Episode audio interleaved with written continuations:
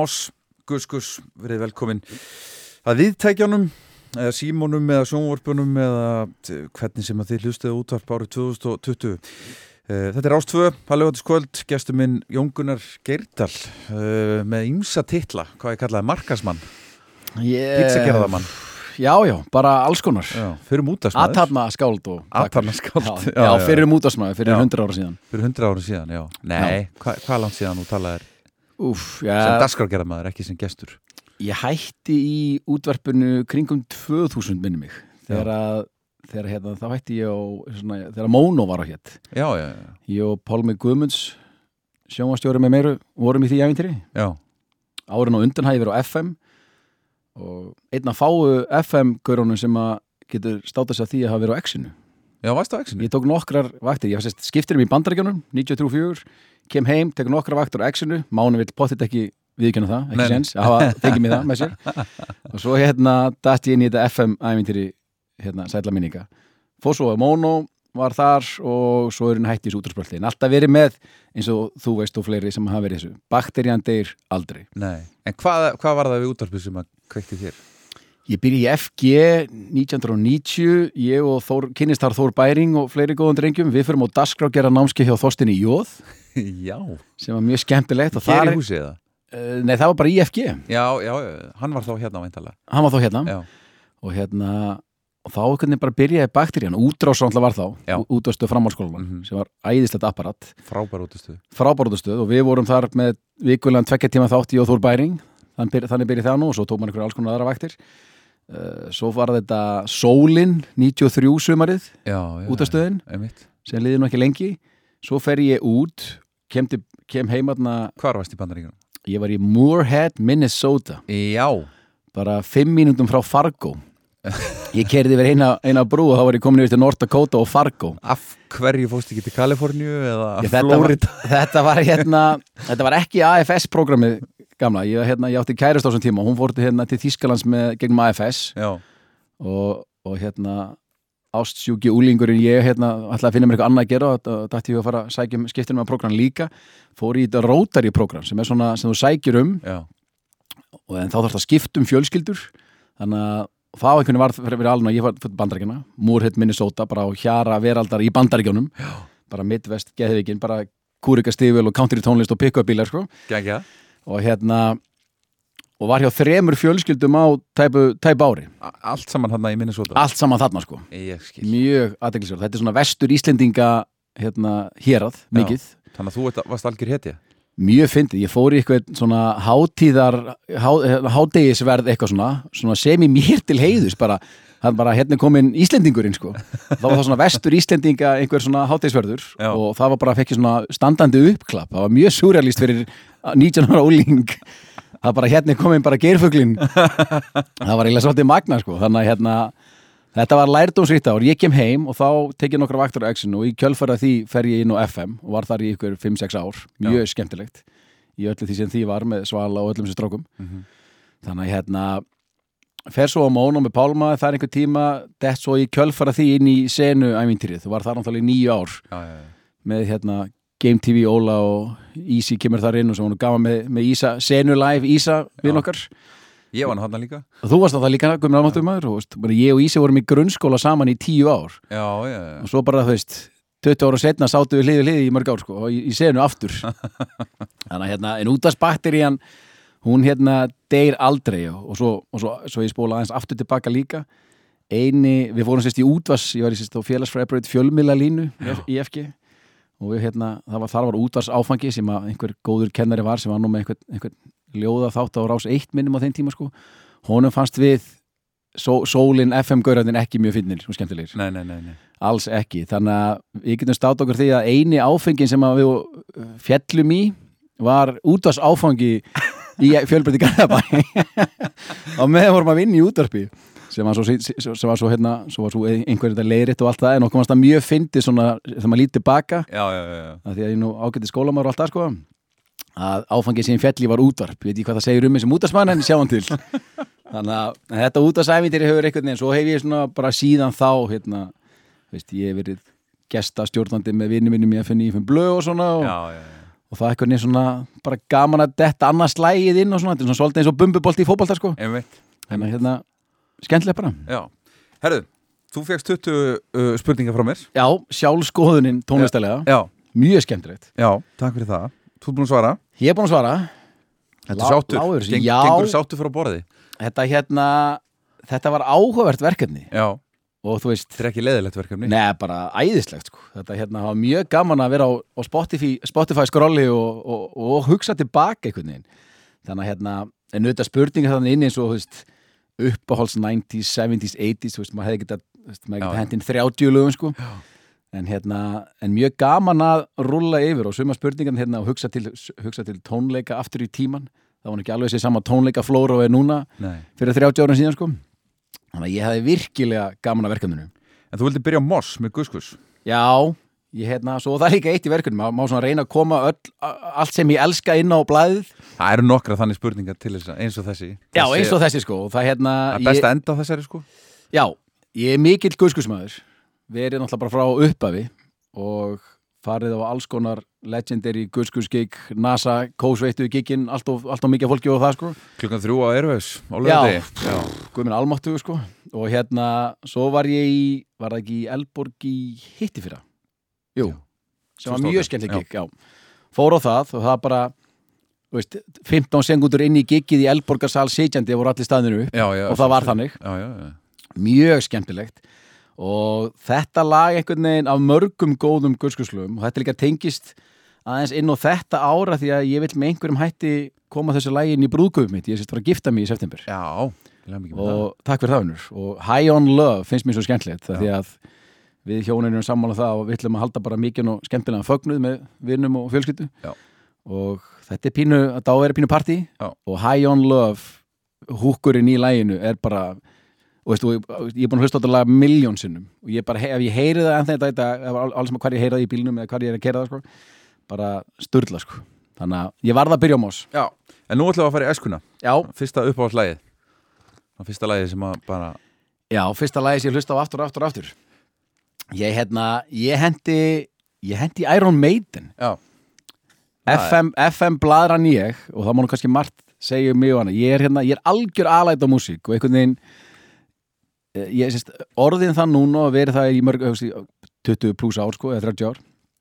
En sem úlingu þá datt ég, duttu við virðindi mjög snemma í eitthvað svona þungarokks heavy metal þarna sko. Já, já og hérna, þetta, þetta líka bara átti heiminn á þessum tíma. Þetta bara átti algjörlega heiminn sko, veist, þannig hérna þannig að Run to the Hills með Iron Maiden var svona eitthvað lag sem bara var á repeat, stanslust hjá okkur félagunum veist, og þetta var Iron Maiden og svo duttu við Metallica og Justice for All og svo Guns N' Roses og ég man líkuð hvar ég fekk Appetite for Destruction í hendunar og, allt, og svo framins og framins sko. en ég held að Iron Maiden og Run to the Hills hafi verið svona fyrsti repeat smellurinn sko. Meiden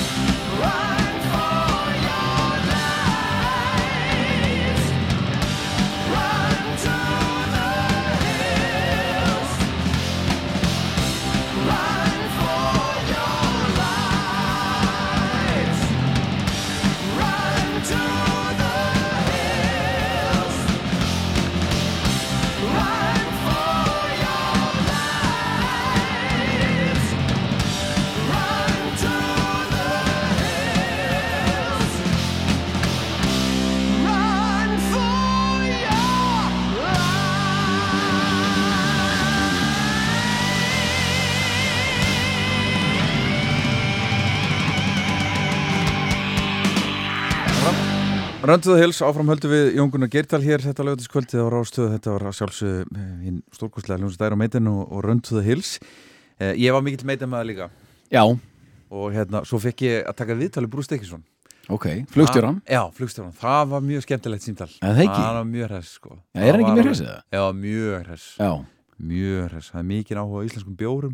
ok Já, hann er bara þarna. Svo var þetta ekki bara svo hérna, allt í kringum meitin svo skemmtilegt Já, og kannski hérna, bara lúkið og öllu og fígururnar og skrimslin og þetta dót, það er bara geggjað sko. já, ævindir í textum þetta, þetta, þetta, þetta virkar á, á unga, unga menn og konur. Já. Herðu, uh, nú förum við held ég bara í reyðhöllina væntalega, eða ekki? Jú, Já, fyrstu tónleikandir. nú er það Reyðhöllin og Kiss Já. Þetta hérna Það er eitthvað svo súrealist að hljónstinn Kiss hafi spilað. það er mjög surlist og ég var svona að reyna þetta var svona pínu debatt með mér þú veist, Kiss eða Whitesnake Já. á þessum tíma, ég man ekki hvort koma undan en mér var einhvern veginn alveg sama því að mér varst Kiss bara skemmtilega Já, mikill Kiss maður já, og finnst Kiss bara geggjað geggjufjónsið sko. og talandi um svona allt apparat í kringum þá og look og stæla og stemmingu sko. Já.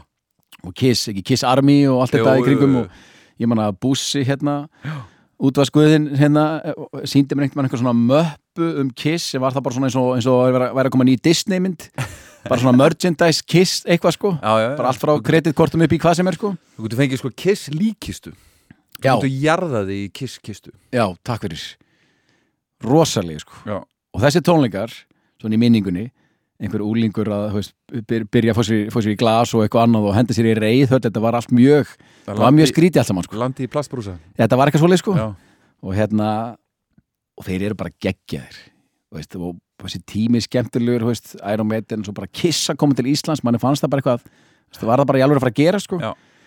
þannig hérna ég, var, er það ekki ennþá að túra það? Jú, jú, sko, draumurinn hjá Gene Simmons þeim er að Kiss lifi bara áfram eftir að þeir eru allir komnir undir, undir torfuna, sko. Já, bara einhver aðri sem að Já, taki ég skil- það kindilina skiptir engum máli maður, allir málaðar og eitthvað. og- Já, bara, bara lögin. Já, þetta er bara McDonalds, þetta er bara rúlla áfram. Já, sniðu ég maður. Já, þetta var Ég væri til að sjá það aftur. Já. Þetta var alltaf í minningunni frábæri tónleikar. Virkilega gaman, fóru nokkru vinnirnir og ég, hérna, ég þarf bara að dusta að reykja einhverju myndalbum, ég á potið einhverjar einhverjar ævintýrlega hallaræslegar myndir af mér af þessu giggi sko.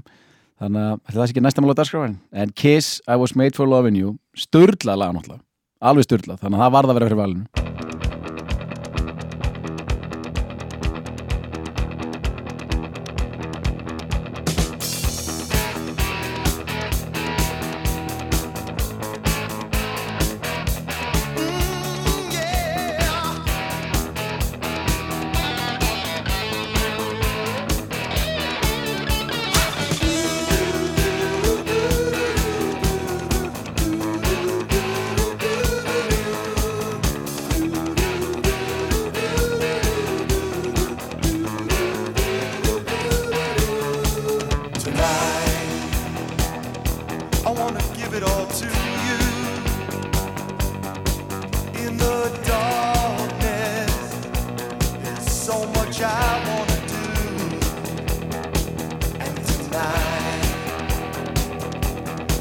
I want to lay it at your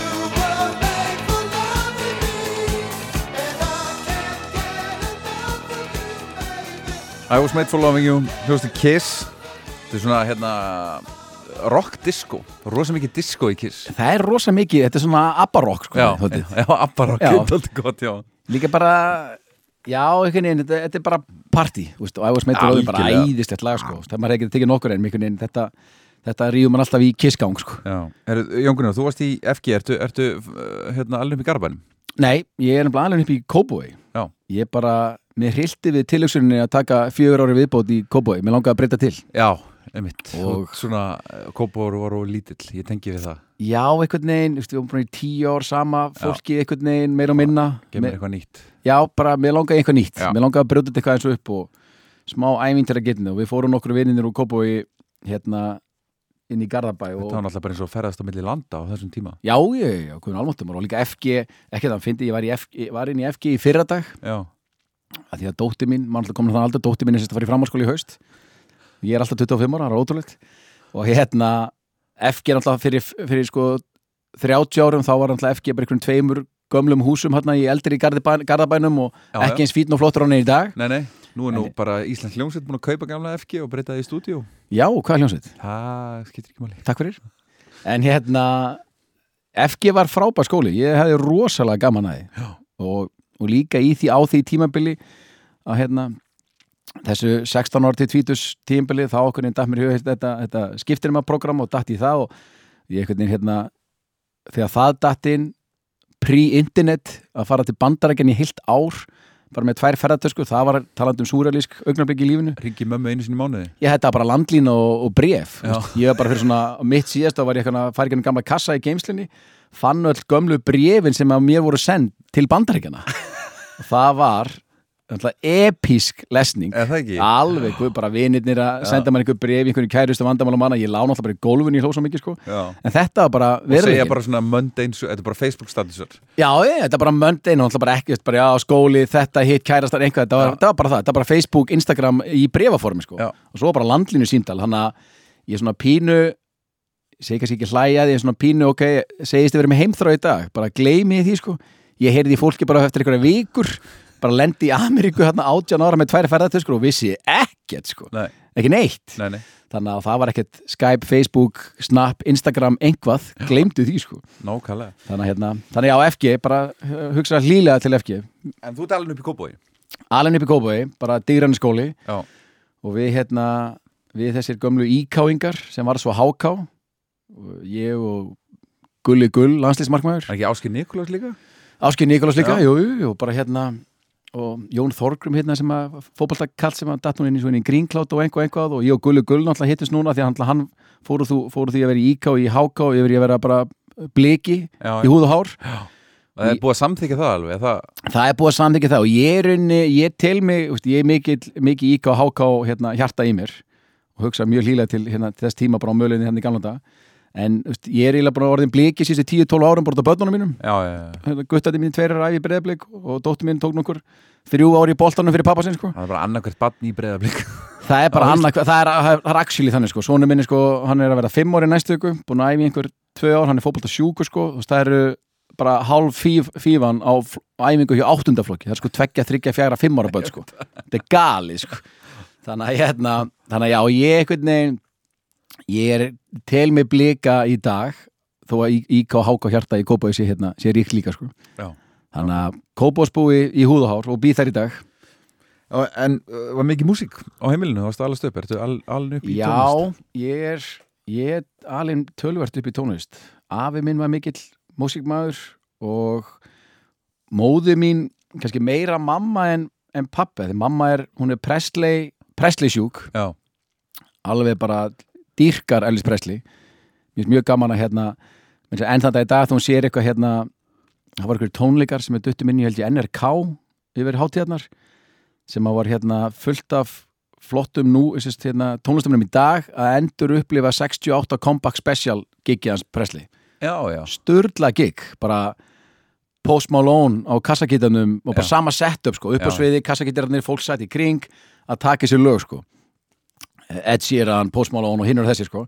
Og gama bara einhvern veginn, þú veist, mamma, mamma og pappi ringdi í mig bara í uppnámi. Þeim fannst svo flott sko. Já. og minnst þeim gaman að upplita ennþá þú veist bara, þú þú veist, 30-40 ára eða 40 árum setna sko, bara þau dýrka Elvis Presley. Þannig að það var mikill Presley mikill Johnny Cash það var svona þessi tveir sem ég man hvað mest eftir. Og ég er mikill Presley maður, bara held ég eins og öll, öll heimsbyðin en, en Cash kannski aðeins meira snerti tögurinn, bara svona sögumæðurinn ég Já. svona, ég fíla hérna náttúrulega performerinn Elvis Presley Guð hjálpi manni, bara rosalegur en sögumæðurinn Johnny Cash hefur alltaf hérna slegið tög hjá mér sko. Og hérna svo upp, maður einhvern veginn aftur eins og held ég öll heimsbyðin líka þegar hann kom með Amerikan blöðnar Mhm. og hört og allt það sko. Þannig að hérna, svo kom Walk the Line myndin og þá hvernig, það sama, ég held að, að móðum ekki að horfa á hana tíu sinni sko. Það er einmitt svona mynd sem ég fæ ekki heldur leið á. Þannig að hérna, þannig að þess vegna varð hérna, kass fyrir valinu svona æsku, svona það sem rámar í að hafa heyrt mikið í æsku. Já, já. rúla Johnny Cash plötunum sko. Líka einfaldi textar, maður, maður getur skilið þetta ungur sko. Já. Presley var svona meira bara svona eitthvað, vá, flott, geggja þú- já, já, bara meira svona svolítið læti sko. Já, þannig að hérna, en maður gæti alveg tengt við Cash sko. Já, strax Já, sko. og bara einhvern veginn bara soundið á þeim og, eins og segir sko, einföld lög. Þannig að ég er, og enn þann dag í dag er ég alveg bara elska ég að setja Johnny Cash á sko. Já maður, I walk the line I walk the line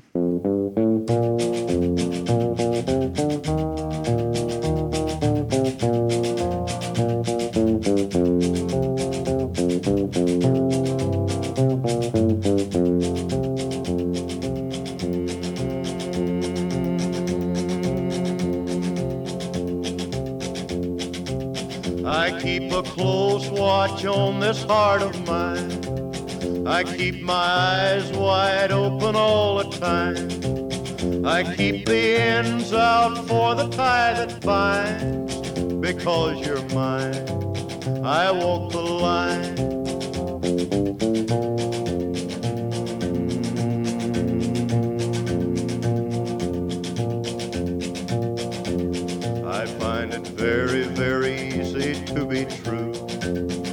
Find myself alone when each day's through. Yes, I'll admit that I'm a fool for you because you're mine. I walk the line.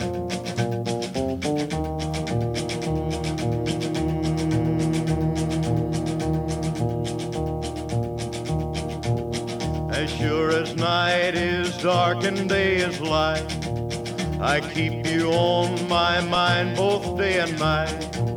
And happiness I've known proves that it's right because you're mine. I walk the line.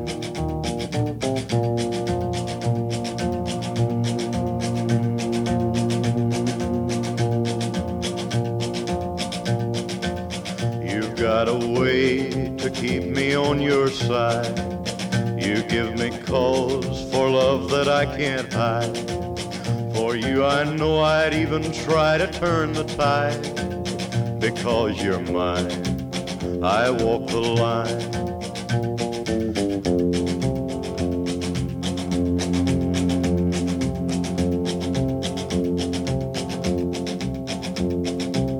I keep a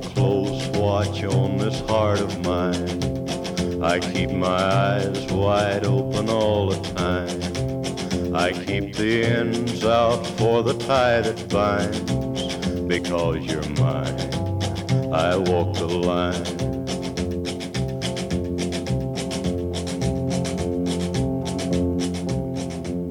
Það bust á trommunu alltaf æðislega sko. Eindislegt sko. Stórkostlega í, vel illa gert. Já, og bara dásamlega illa gert sko. Ótrúlega gott lag. Herru, Jón Gunnar, það er Sagbinda Sælan Já, Þetta er náttúrulega Sko, þegar ég las titilinn þá Já. byrjaði ég að flauta það. Já Ég hérna Þetta er algjört heilalím sko. Þetta er algjört heilalím og ég hérna ég einhvern veginn talandi um sagbytnar sælur ég á endalust á þeim einhvern veginn að, og ég, ég hef aldrei einhvern veginn ég hef aldrei skammast mér fyrir sagbytnar sælur. Ég er, ég er svo rosalega alæta einhvern veginn. Ég er bara, ég er svona laga eldir hellir, ég er bara, þú veist, bara lægið er gott, alveg sama hvort það sé Britney Spears, Sigur Rós Kali og Bítlarni mér er einhvern alveg saman, bara gott lag er gott lag. Þannig að hérna, og ég get einhvern Með hoppi podla og toxic á saman playlista. Já, já, og bara einhvað, bara þú veist, ég er út, í rektinni út að hlaupa einhvað, það bara, það er mjög í klektik hvað það getur verið, sko. Og, veist, ég fylgist mikið með músík, það er bara hvernig ég er reglulega uppfæra playlista hérna og, hérna, og, og Blackbox og fleira hana, og er vill vera vill vera current í blandið bara alls konar þannig að hérna þannig þá einhvern veginn sakbyrna sælur það bara, já, bara, þú finnst bara gott lag. Já. Þú veist, og hérna, þó maður með hennan FM top 40 pop bakurinn einhvern veginn þá einhvern veginn, hefst, ég, bara ágætis byrjun Sigurós bara einu mínum uppáhaldsblutum bara, maður bara ennþá því ég fattaði hana. Mhm. bara Kitty Khan er bara einhvern veginn koma alltaf pepp eitthvað Sigurós, ég bara hvað, hvað er þetta, þú veist, svo bara einhvern veginn hörðu það, það hlýtur að vera eitthvað baku þetta. Þetta geð, veist, svo bara man ég þegar það bara svona búm, hún bara náði manni. En svo bara, veist, svo bara gott lag með Britney Spears tveimingu setnið eitthvað og blastað, þú veist. Já, já. Þannig að hérna, en á þessum tíma þetta lag sem að sem að maður vildi ekki viðurkenna maður hefði gaman af og það er hvernig á þessum tíma það var svo mikið rock sko, Já, veist, veist, bara mikið svo um að ræða bara svona, mikið heavy metal, Guns N' Roses bara Guns N' Roses og- Metallica, leðakar og vera töffari og það allt saman sko. Þetta er ekki töff þetta var ekkit sérstaklega töff sko. Veist, menn, veist, minn vinahópa var ekkit að blasta Boy George, Vam eða Djúran Djúran sko, sýstu mína voru í því sko, önnu var Vam og hinn var Djúran Djúran og það er bara svona ennþá debatt í dag sko. en hérna, veist, við félagin vorum ekkit mikið í því sko, en þarna var byrju svona já, þessi svona þessi, hérna, laga el, el, eldi, eldi í mér, sko. bara góð lög. Og mér finnst enn þann dag í dag þetta lag geggjað. Þetta er þetta er geggjað lag nefnilega. Þannig að og ég einhvern veginn bara hvað var það um hann? Ég, ég, ég, ég valt því fyrir mér. hugmynd, sko. ég, Ekki hugmynd. ég vikipitaði eitthvað aðeins hann breytti svo um nafn og eitthvað. Já, já, já. Og ég, pínu eins og einhver hafi slegið út einhver staðar búin að gefa út nokkara plötur undir einhver öðru nafni sko. þannig að hérna án þess að hafa verið einhver Cat Stevens sko, en, en þetta er þess að Terence Trent D'Arby og Wishing Well. Og þetta bara, ég heyri þetta lag og mér finnst það bara sturlað. Nú Og- ætla ég að kveikja þessu lagi og og njóta. hlustendur flauta með. Já, heldur betur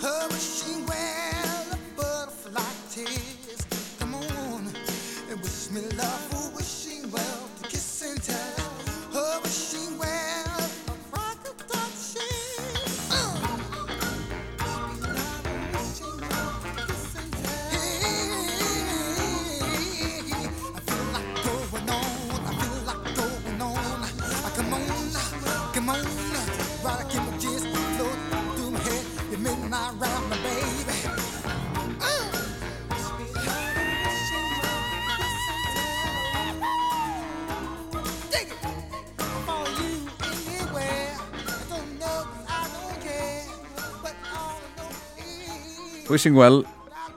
Þetta er uh, Terence Trent D'Arby uh, Þetta er uh, svona, já eh, Ég veit ekkert akkur ég kann þetta lag. Ég held að þetta, var bara einhvern veginn, þetta var alltaf í þegar ég var krakki. Já, þetta var algjör hittari á sín tíma. Já, Svo kom hann ekki sæn, hvað hétt Svo var annað lag á þessari plötu sem var mjög vinsælt, mjög gott.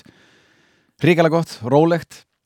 En þetta einhvern veginn Þetta er svo gott grúvísu Flautið, þannig að þetta lag náði mér alveg á sín tíma. Já. Og bara ennþá dag ára uh, 8. áratugurinn, 7. 70s Já, ég hérna mikið í uppbóldi þarna. Erfitt að, að velja. En ég held að þetta sé svo hljómsveit sem að ég hef hlusta hvað mest á örglíkjörn tíðina, Já, eina af þeim. Já, og talandi um plötur sem geta rúlað og har svona nokkur lög, ekki nokkur, hellingur lögum sem að ég bara fæ ekki leið á. Ég bara heyra þau, það er alltaf fer bara eftir hvar ég er í í lífinu og einhvern veginn, það er bara svona þegar að ferðast með manni og, og mismunandi augnablögjum góðum slæmum einhvað bara fylgja mann alltaf, þetta er svona vinurinn sem maður getur, þú kveikir bara á og getur gleymt þér sko. Mm og, og Fleetwood Mac er einhvern veginn svo hljómsveitur mér bara stórkostleg hljómsveit alltaf. Talandi um hljómsveit sem ég langar að sjá á tónleikum svona af þessum, þessum gömlu brínum en Dreams með Fleetwood Mac er bara fyrir mér náttúrulega bara eitt allra besta lag allra tíma, ótrúlegt. Stevie Nicks og Co. Þannig að hérna, þetta, þetta var rosalega erfitt valhans mér. Þú veist, uppáhald 70s lagið, þetta er spurningin er galin en, og, en að samaskapi mjög skemmtileg tilraun að fara yfir og velja eitt lag. Já. það er rosalega erfitt fyrir ég meina gróskan á þessum- tímabili og, og, tó- hljómsveitinnar og, og tónlistamenni sko. þannig að hérna þannig að þetta, en ég einhvern veginn þetta er það lagur sem ég er búin að hlusta hvað mest á á þessum árum, enginn sem sagði að þetta var auðveld sko. Enginn sem sætti á rauðvilt þannig að Dreams Fleetwood Mac, geggjað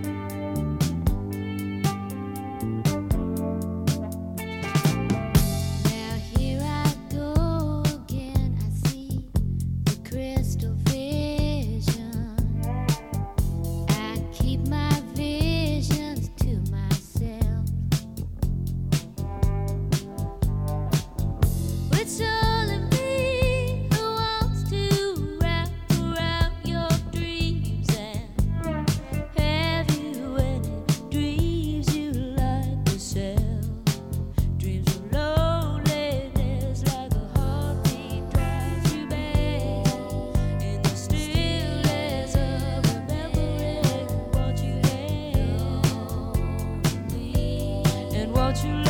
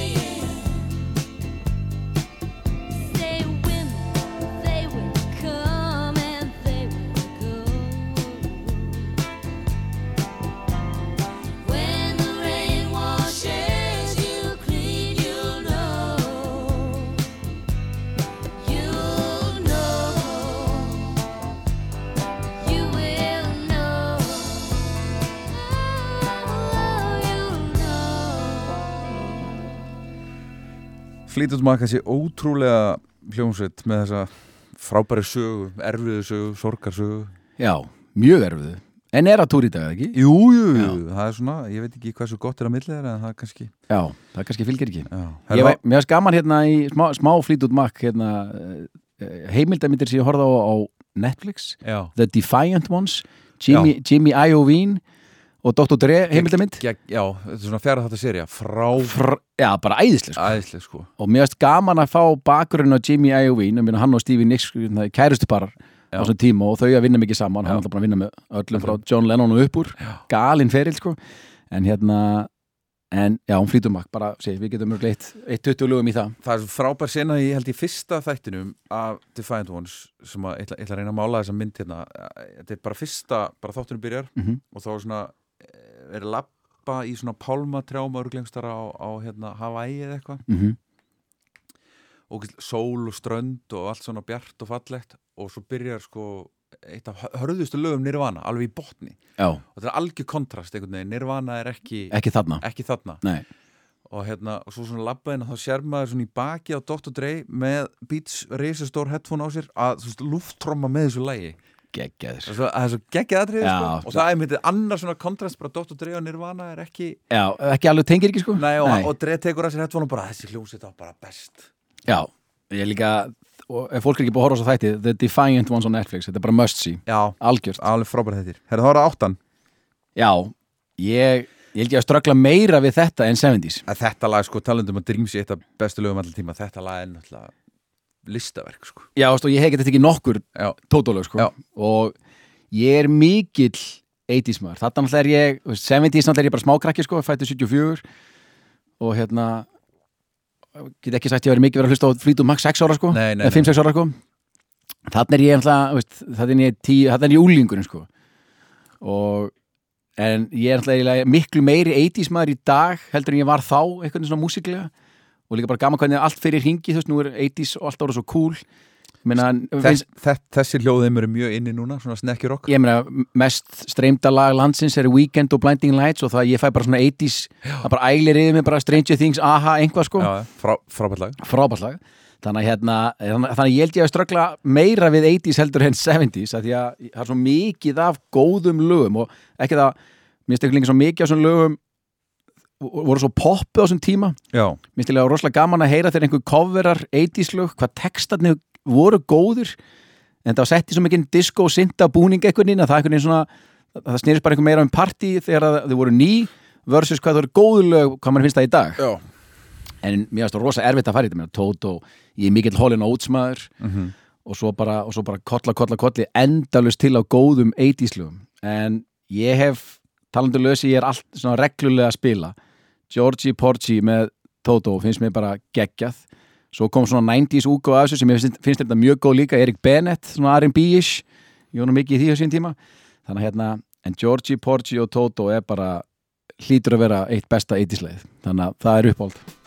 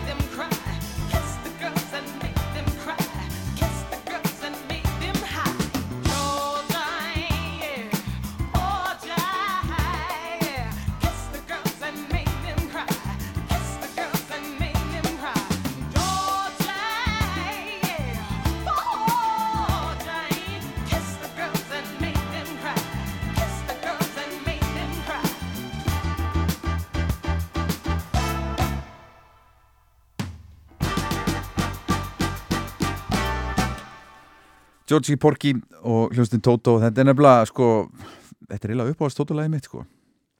Já, það hefði, veist, Afrika náttúrulega bara geggjalag, geggjað. En ég er meira þarna. Já, og ekki Rosanna, það er æðislegt. Já Toto- Holdalægin Hold the line, já, já. þannig að hérna svo spiluðu þeir allt með Jackson held ég líka. Ég ætla, þetta var náttúrulega bara svona session þetta var bara svona wrecking crew. Já, en þetta lag bara enn þann dag Já. geggjað. Herru, nú er það nýjan. Já, 90s maður. Þarna, veist, þarna maður komin í FG klára FG Bandaríkin, skiptinemi uh, Hip-hop. byrja í útvarpinu. Hip-hop, brit-hop, grunge. Hip-hop, já, og Nirvana og öll þessi læti sko. Og elektrónik og elektrónikinn og, og, og svo framis og framis og framis mjög mikið af og sterkabönd, strákabönd já, bara guðmið góður sko. Þannig að, en ég fer einhvern veginn alltaf ég bara ok, hvað, mér, mér var skaman að spá í þessa áratu, ég bara ok, hvaða lög hafa lifað svona mest með mér veist, það er alltaf endalaust af frábærum hérna, tónlistamönnum og öllum þessum árandum en ég hérna ég er, og er ennþann þetta ég er mikill hiphop maður og það, það byrjaði eiginlega bara þarna. Af því það, maður var ekkert mikið búin að vera í þú veist, minna veist, á 80s eða hvað, hvað datt inn, þá var ekkert mikið af hiphop að dett inn þar, fannst Public maður Enemy, Public Enemy, ég var aldrei, aldrei mikill Public Enemy maður. Beastie Boys svona seitt, Já, Erik B. Raki og eitthvað svona, eitthvað svona stöf sko, eitthvað svona Tribe Called Quest? Tribe Called Quest, já, ég er, það, ég er mikið þar sko, þannig hérna en þarna, og þessi Chronic plata með Dr. Dre þegar hún kom hún er rosaleg. Ég var alltaf í bandarækjunum þegar það er, þetta er að byrja. Það alltaf varð allt bara geggjað. Já. og hún er æðisleg. Og svo kemur Snoop inn í þetta líka þarna. Og af mörgum góðum hiphoplögum, mörgum góðum drelugum eða Snoop, minna, þá bara Nothing But A G-Thing fyrir mér er bara læð það er bara geggjað lag sko.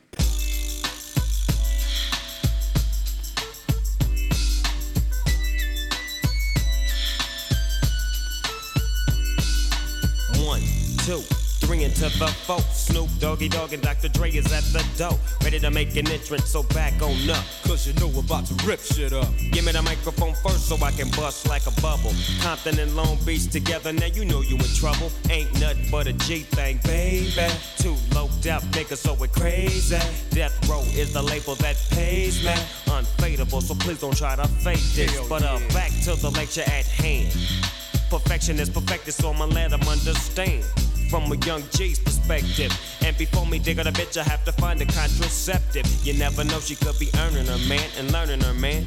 And at the same time, burning her man. Now you know I ain't with that shit, Lieutenant. Ain't no pussy good enough to get burned while I'm offended. Yeah. And that's realer than real deal, holy feel. And now you hookers and hoes know how I feel. Well, if it's good enough to get broke off a proper chunk, I take a small piece of some of that funky stuff. It's like this and like that and like this and uh, it's like that and like this and like that and it's like this and like that and like this and uh, Drake creep to the mic like a fan. Well, I'm peeping and I'm creeping and I'm creeping. But I damn near got caught, cause my beeper kept beeping. Now it's time for me to make my impression felt. So sit back, relax, and strap on your seatbelt. You've never been on a ride like this before. With a producer who can rap and control the maestro. At the same time, with the dope rhyme that I kick. You know, and I know I flow some old funky shit. To add to my collection, this selection symbolizes dope. Take a toke, but don't choke. If you do, you have no clue of what me and my homie Snoop Dogg came to do. It's like this and like that like this and uh, it's like that like this and like that and uh, it's like this. And who gives a fuck about those? So just chill to the next episode.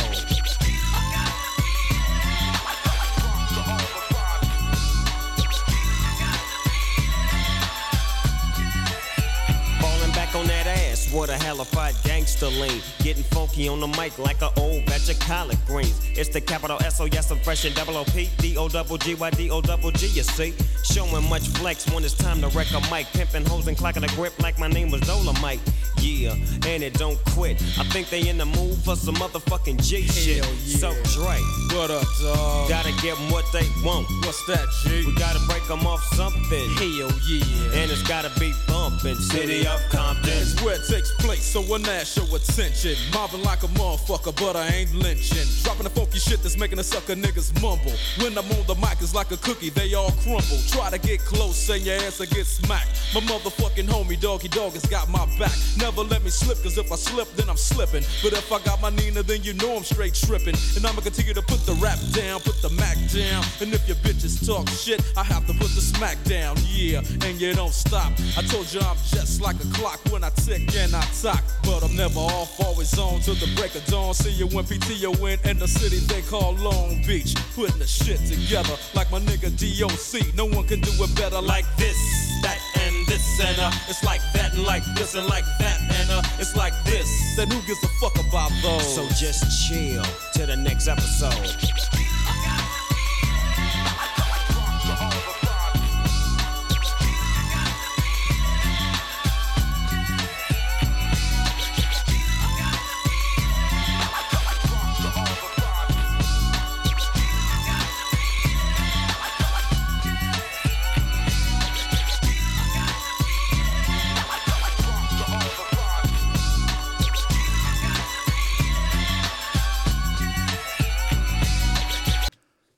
Og þar með líku því. Og þar með líku því, Já, ótrúlega gott lag. Já þetta er ekki Drey og, og Snoop Dogg. Uh, Jón Gunnar, það er já, sá tónlistamar sem er til að sjá á tónleikum. Já, Ég á eftir að sjá myndina um hann á Netflix. Þú verður að sjá hann Já, ég veit það. Ég hérna, Ha- Hann er rockstjarna, þessi drengur. Hann er rockstjarna þessi drengur og myndin er frábær. Þú er mjög gaman að henni. Mhm.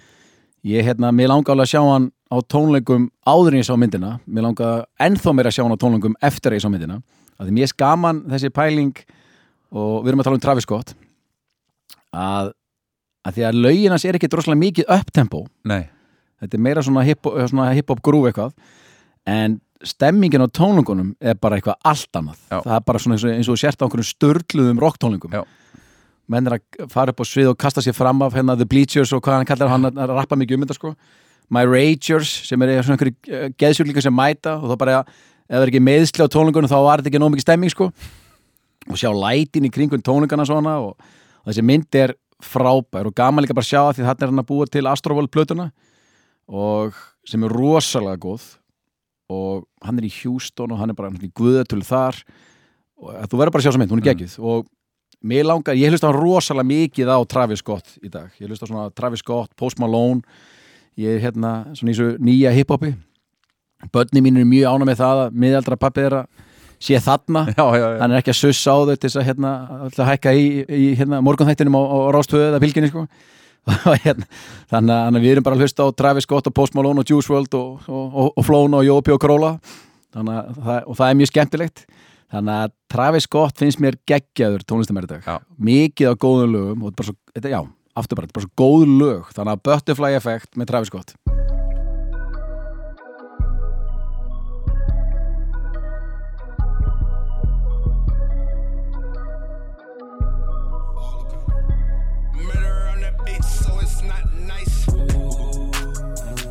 For this life I cannot change. In the hills, deep off in the main. Eminem, sweet like candy cane. Drop the top, pop it, let it bang. For this life I cannot change. Hit Hidden hills, deep off in the main. Eminem, sweet like candy cane. Drop the top, pop it, let it bang. Drop the top, play hide and seek. Jump inside, jump straight to the lake. Take a sip, feel just how I be. On freeway, but no, ain't nothing free. Been laws, been lanes, been busting bills, but still ain't nothing changed. You in the mob, soon as you rock the chain. She caught the waves, just thumbing through my braids. Heat up, baby, I just heat up. It's lit. DJ love now the beat it is a must. Feeling stuck, you know how to keep me up. Icy love, icy like how I keep up. For this life I cannot change hidden hills, deep off in the main. M&M's, sweet like candy cane. Drop the top, pop it, let it bang. Pop it, pop it, for this life I cannot change.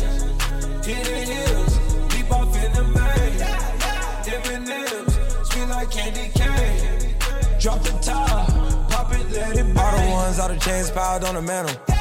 All the dogs, all the dogs, low creep, right behind me in the phantom. Yeah, never go, never go, dip on the set, stay Santana. Yeah, run it back, turn the lights on when I hit up Green Lantern. Yeah, fly the bras, fly the dogs down to Atlanta. Yeah, in the cut, in Medusa, lay low, yeah, I might be. Yeah, roll up, help me calm down when I'm moving high speed. Yeah, if I send one, need to text back, cause you know what I need. Oh, please. Oh, me. Oh, oh my. We been moving, we've been moving for some time. Alright. Flexing, flexing, try to exercise.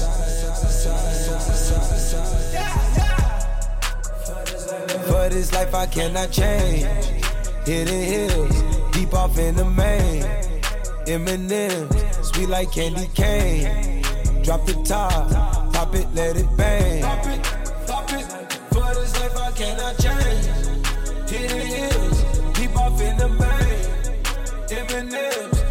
Like candy cane. Drop the top, pop it, let it bang.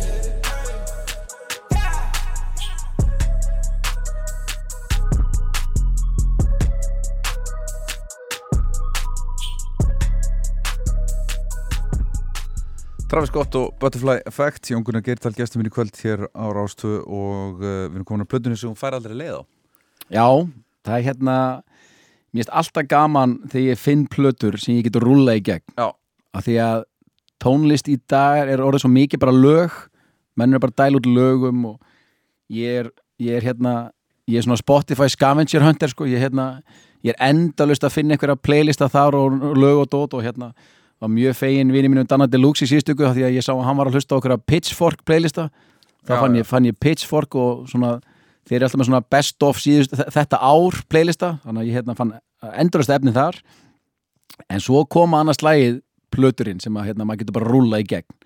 Og finnst mér svona frekar en lag og lag og lag þá er þetta svona heilsteift einhvern veginn. Og ég er nú getið tekið nokkra plötur svona aftur í tíman en mér langa að taka hérna lag af, af plötu sem að ég er mikið búin að hlusta á síðastlið 12, 14, 15 mánuði eitthvað sko. Og það er hérna tónlistamæðurinn auður sem að ég fæ ekki leið á. Ég er hérna ég hérna búin að sjá hann mikið live á síðasta ári. Sá útgáð tónleikana í gamla bíói, fór í bæja bíó svo mjög skemmtileg gig.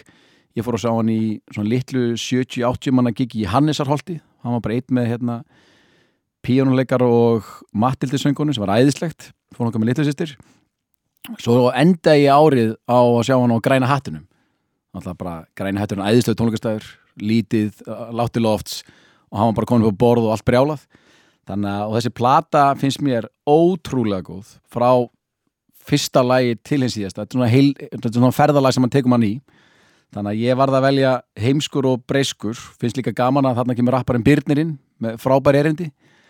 Og ég, hann er í miklu uppáldið á mér. Þannig að þetta er plata sem ég bara fæ einfallega leið og ég setja hana reglulega á, á rúlinni Auður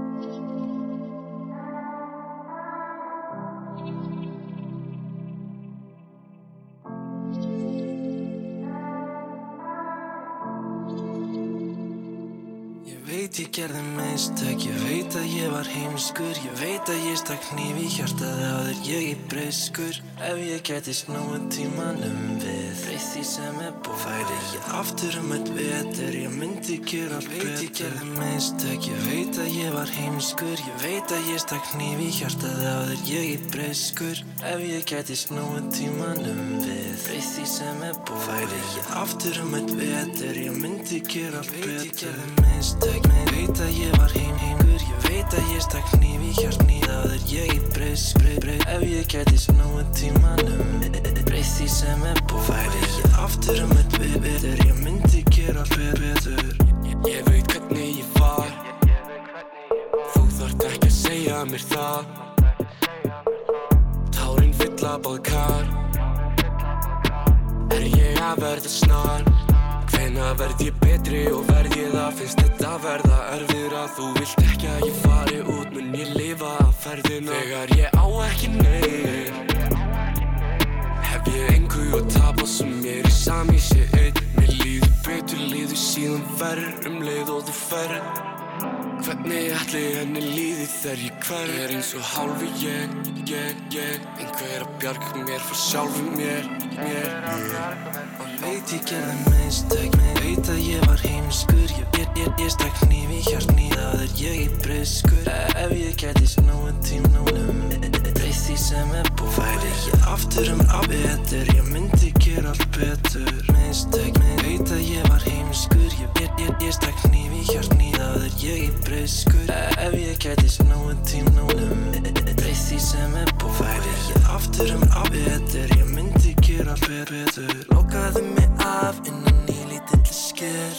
Hlifti engum að ekki einu sinni þér. Ég vil að þú vitir, þú varst fullkomin Það var alltaf ég sem gerði mistökin.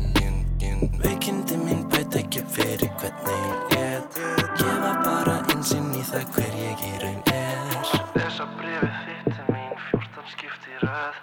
Fastur í sömu hjólfarum eftir verð Ég veit ég gerði mistök Veit að ég var heim heimur Ég veit að ég stakk hníf í hjartni Það er ég í breys, breys, breys Ef ég gæti snúið tímanum Breys því sem er búið Færi ég aftur um eitt betur Ég myndi gera allt betur Mistök, veit að ég var heimskur Ég, ég, ég, ég stakk hníf í hjartni Það er ég í breyskur Ef ég gæti snúið tímanum Breys því sem er búið Færi ég aftur um að betur Ég myndi gera allt betur Stórkustlegur tónlistamæður, hann kallar sig Auður, heitir Auðun Lúþarsson heimskur og breskur, byrnir þetta með í för og því fáu Íslendingar sem er eftir að hlusta á afsakanir, ég myndi bara drífi því. Helst eftir Já. þátt samt? Helst eftir þátt samt. Já, þetta er ótrúlega góð plata og Já. ég líka bara mist textin í þessu lagi frábær, tengi bara þessi, þessi breysklegi sem hann syngjum og, og annað og, og bara einhvern veginn einlægnin á þessari plötu er hún er eitthvað, já, hún er rosaleg og minnst bara, minnst aðdánavert og ótrúlega gaman að hlusta á svona einlæga plötu, hann sem hann bara hann ælir sér á hana. Já. og það er mjög hérna, eða þessi frábær plata, hann að rúlinni gegn, klálega. Já, þetta er líka, þetta er, þetta er holdt sko, ég meina, við erum að þeirri kynslu þar sem að maður þurft að vera harður kall og ekki sína tilfinningar og Já. ekki, þá, þú veist, erfið fjölskyldumál voru ekki rætt, þau voru þökkur niður það er og- bara meðverknins olimpíuleikanir Já, já, rosa, já, rosa mikið Það er ekki, sem betur fyrir ekki lengur við líði Nei, sem betur fyrr og það kristallast á þessari plötu. Já, það er bara að gera upp þarna mjög erfiða tíma. Já. eitthvað, hérna, eitthvað, eitthvað break up við einhverja, konu. Já. og alls konar alls konar annað sem hann hefur tekist á við. Og það er Mhm. bara en næra að búa til þessa, þessa frábæru plötu út úr því. Já. þannig að því ber svo sannlega að fagna. Heldur betur.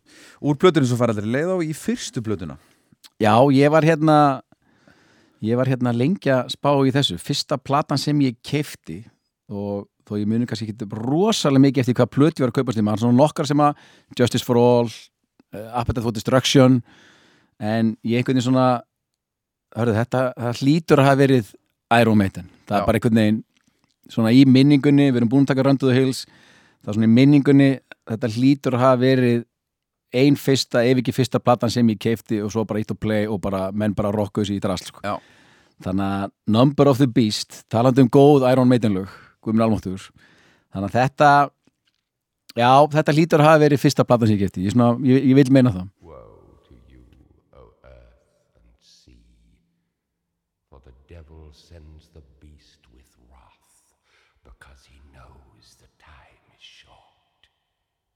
Let him who hath understanding reckon the number of the beast, for it is a human number. Its number is 666. I left alone. My mind was blank. I needed time to think to get the memories from my mind. What did I see?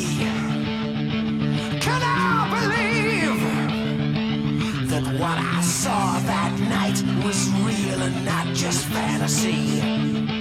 Just what I saw in my old dreams were the reflections of my Walkman staring back at me. Cause in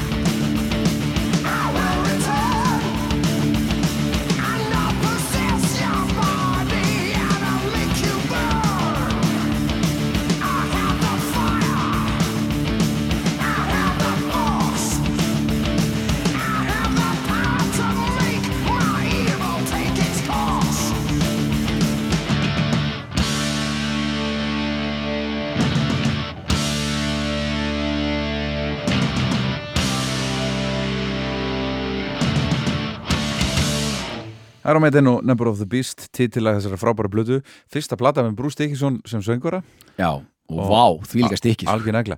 Ég, ég var að skoða það er nú komin einhver ár síðan. Það var einhver svona bresku listi yfir bestu þungarasplöðunar Mm. og þar var þessi á tofnum og ég hlustaði þá aftur á hana svona Já. orðin fullorðin. Þú veist að hlusta á hann í heild skilur sem, sem albúmið. Og hún er rosaleg sko. Hún er rosaleg sko. Það er ekki lélegt lag á þessari blötu sko. Ég man bara veist, þegar maður rifjar upp veist, okkur fannst hún bara störluð. Já. og Ég bara- gaman að heyra, heyra þetta, hvað hún lifir. Já. ég, ég er sem ekki að rúla hann allir í gegn sko, ég, ég, ég þyrfti að taka það sko. Bara í næsta hlaupatúr ekki Já. fara að playlista, bara þessa plötu rúla Iron Maiden. Já, ég bara- hef heirt verið hugmynd sko, hún er góður. Það eru kveikmyndatónlistin Já, talandi um, talandi um hérna flokk sem ég strögglaði við. Já, Ég strögglaði kveikmyndamaðurinn sjálfur. Já, ég er algjör bíónörd. Já. Og kvikmyndabrjálangur Ég hérna, talað á störlum, stö- stöldrum aðeins við það, Hildur Guðna, já, Óskarinn? Já, pff, vá. Hún hérna, hún er að fara að taka hann 100% þú veit að bara, það, Já, ég segi bara 100% Hún er búin með Globe. Hún er hérna, ég er líka bara eitthvað neginn Ég er búin að sjá 917 sem er æðislega mynd. Ég held að 1917 taki Óskarinn sem besta mynd já, besti leikstjóri, kvikmyndtaka en ég held að Joaquin Phoenix taki leikara. leikara og ég held að Hildur Gunnar taki Óskar fyrir bestu tónlist. Tónlistin í 1917 er frábær en mér fannst tónlistin í Jokernum sem mér fannst bara, by the way stórkostli bíómynd, já, mér fannst hún bara eins og auka hlutverk já, var það sko. Og mér finnst einhvern veginn he- heyra, að heyra nokkuð viðtöl við Phoenix þar sem hann talar um hvernig hann kom sér oft í karakter og tólkaði suma senur og annað bara út frá músikinni já, já, og Hildur Guðn alltaf snillingur Tjernobyl og, og fleira, Guðmur Almáttur þannig að ég er 100% á því að hún taki, taki Óskarinn og fyrst, fyrsti Íslendingurinn og fyrsta, hérna ekki konan, Jú. bara ein og sér. Þannig að hérna en já, ég er mikill bíómaður og bíónörd. Ég er veist, þegar að maður á kemur upp á þessum úlingur á þeim tíma og krakki að þegar fólk var að fórt á vídeolegu, leigja sér myndbandstæki og, og vídeospólur ég man skröldi með þetta 50 kílóa ferlíki heim. Já, já, og leiða sér nokkra myndir fyrir helgina og svona sko. og þetta kendi mér ennsku því þarna var ekkert að byrja að texta myndir. Nei. þannig að þetta kendi mér ennsku til dæmis og ég hef alla tíð verið mikill bíómaður og, hérna, og ég og mín, mín fjölskylda sko og hérna svona vann ég hjá senu í nýju ár og stundum að fara í bíó þrisa fjórsum í viku bara í hátdeinin í smára bíó okkar að pröfusýningar sko. Ég man eftir þessum hátegisýningum á sínum tíma. Hérna, það eru nú ekki margar núna að þau voru það Nei, það er ekki Nei. jafn marga núna sko. Ég var bara, svo fór maður eftir í vinnuna klukka tvö maður alveg bara og, Svoðin í bíósal. Já, ríkala þreytur Já, svo líka það góða við, það voru kostur og gallar. Stundum fóðum maður að sá okkar stórkustlega bíómyndir. Já, en við þurftum, bara það í saman við þurftum líka að horfa á allt stöfin sem fór ekki í bíó. Það, það það var ekki eins skemmtilegt. Þannig að hérna þannig að þessi flokkur kvikmynda tónlist og svona maður rúlar yfir genið tíðina bara, og svona þessar myndir og ég var svona að fá að hugsa, ok, uppbólsmyndina mínar já, kannski engin sérstök lög þar sko. Uh, alveg saman hvað sé jú, jú, kvikmynda tónlistin, Guðförin og allt þetta, þú veist, Shawshank uh, ég elska Heat, Sideways ég er mikið þarna sko.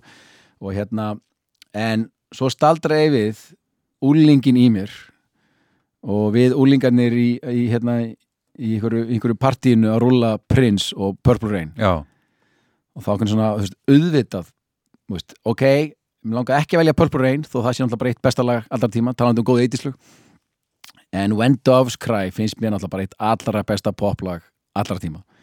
Þannig ég einhvern veginn, þegar ég kveikti ah, Purple Rain fór rúll yfir, Darling Nikki geggjað. Nei, When Doves Cry, þannig að það var, það var lagið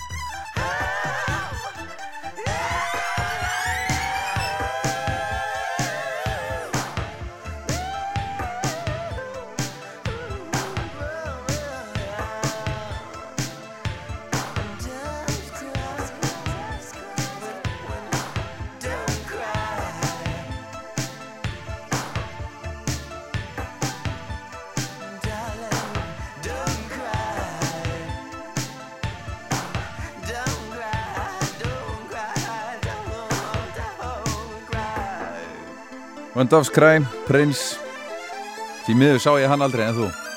Ég var að fara að segja það. Talandi um tónlistamenn sem ég hef viljað sjá live. Nei, ég sá hann aldrei og Nei. græt það. Já, ég hef heyrt alls konar sögur af mönnum sem hafa séð hann live og svo hafa þeir heyrt einhverja sögum, sögum daginn.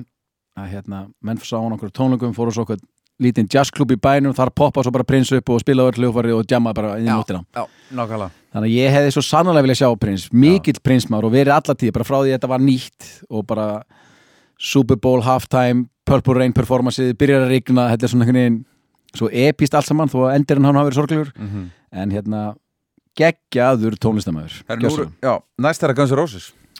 Já, mér finnst þessi spurning skemmtileg Lægi sem ég fekk til að byrja að læra á hljóðfari eða syngja Já. Ég gæti gæti ekki sungið til að berga lífi mínu Nei, nei, þessin erum við í útvarfi Já, þess vegna er í útvarpi bara, hérna, og bara ef ég byrja að syngja bara, kona mín bara, bara hryllir við því sko. og ég syngja ekki mikið, ekki einu sinni í styrtu og valla í bílnum sko. og ég spila á ekkert hljóðfari en ef ég myndi, ef ég hérna væri þar, þá hefði ég viljað læra gítar Já, slass Slass Já. Já, og ég minna, þú veist, þegar þessi plata kom veist, Appetite for Destruction Welcome to the Jungle, Paradise City Brownstone og svo Sweet Child of Mine og gítar riffið og annað, maður bara svona bara vá hvað ég væri til í að vera þarna sko. Lúfgítar tekin bara á eitthvað annað level á skólabörunum í galanda í derunskóla Hættilegust menn í heiminum. Hættulegstu menn í heiminum. Mér fannst ótrúlega gaman að sjá þá live hérna. Mér fannst eiginlega svona mér fannst það meira svona Romeo og Michelle's High School Reunion tilfinning og upplifun Já, já, já. heldur en vá hvað þetta eru geggjaði tónleikar mér fannst það einhvern svona, ég var að hitta fólk sem ég var, var bara með í grunnskóla. Nákvæmlega. Mér fannst það geggjað gig sko. Þannig að hérna þannig að lægi sem fekk mig til að vilja læra á gítar var Sweet Child of Mine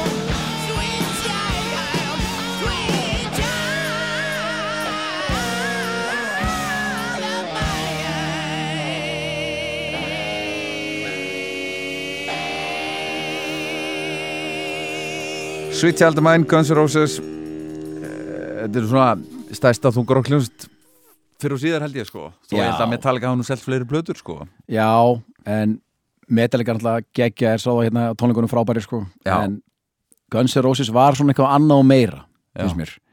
Það var svona, já þetta var alltaf í minningunni og eftir að sé það svo live hérna sem var, sem var mjög skemmtilegt. Mér fannst ég bara, ég var bróðin 15 ára aftur. Já, já. Og hérna bara. En þetta var, þeir voru alltaf ótrúlega stóri sko. Og þessi plata þegar hún kom á sín tíma og svo alltaf inn í 90s og, og, og, og þær plötur og það allt saman bara æðislir, frábærir. Hörðu, þá var það íslenska lagið. Já, uppáhalds íslenska lagi, þetta er erfið spurning. 70s er ekkert mál með þetta. 70s, 80s, 90s er ekkert mál með þetta ef maður lítur 40 pluss ár aftur í tíman og hvað eru, hérna, hvað eru uppáhalds íslenska þitt? Og það eru mörg sem komið til greina. En ég þetta laga hérna þetta er einhvern veginn, ég elska þetta lag bara, ég, bara frá því ég man eftir mér einhvern veginn, bara ég man ekki hvenær það kom út fyrst en mér finnst þetta bara svo stórt lag. Þetta er náttúrulega bara Björgun Haldarsson að syngja, það er allt stórt.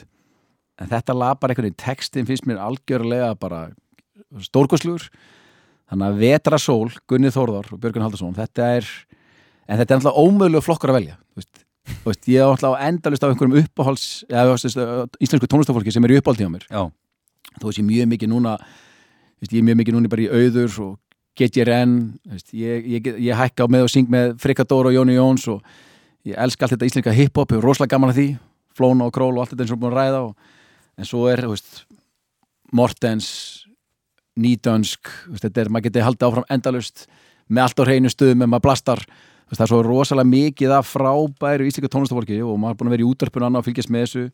Skítamor og 90s og allt það þegar það ævintýri byrjaði og maður er alveg búin að vera í blöðurónum, sigur og svo, svo framvegis. En þetta er einhvern veginn vetrasól með Gunnar, Þór, Gunnar Þórðalagið eða finnst mér bara stórkostlegt íslensk poplag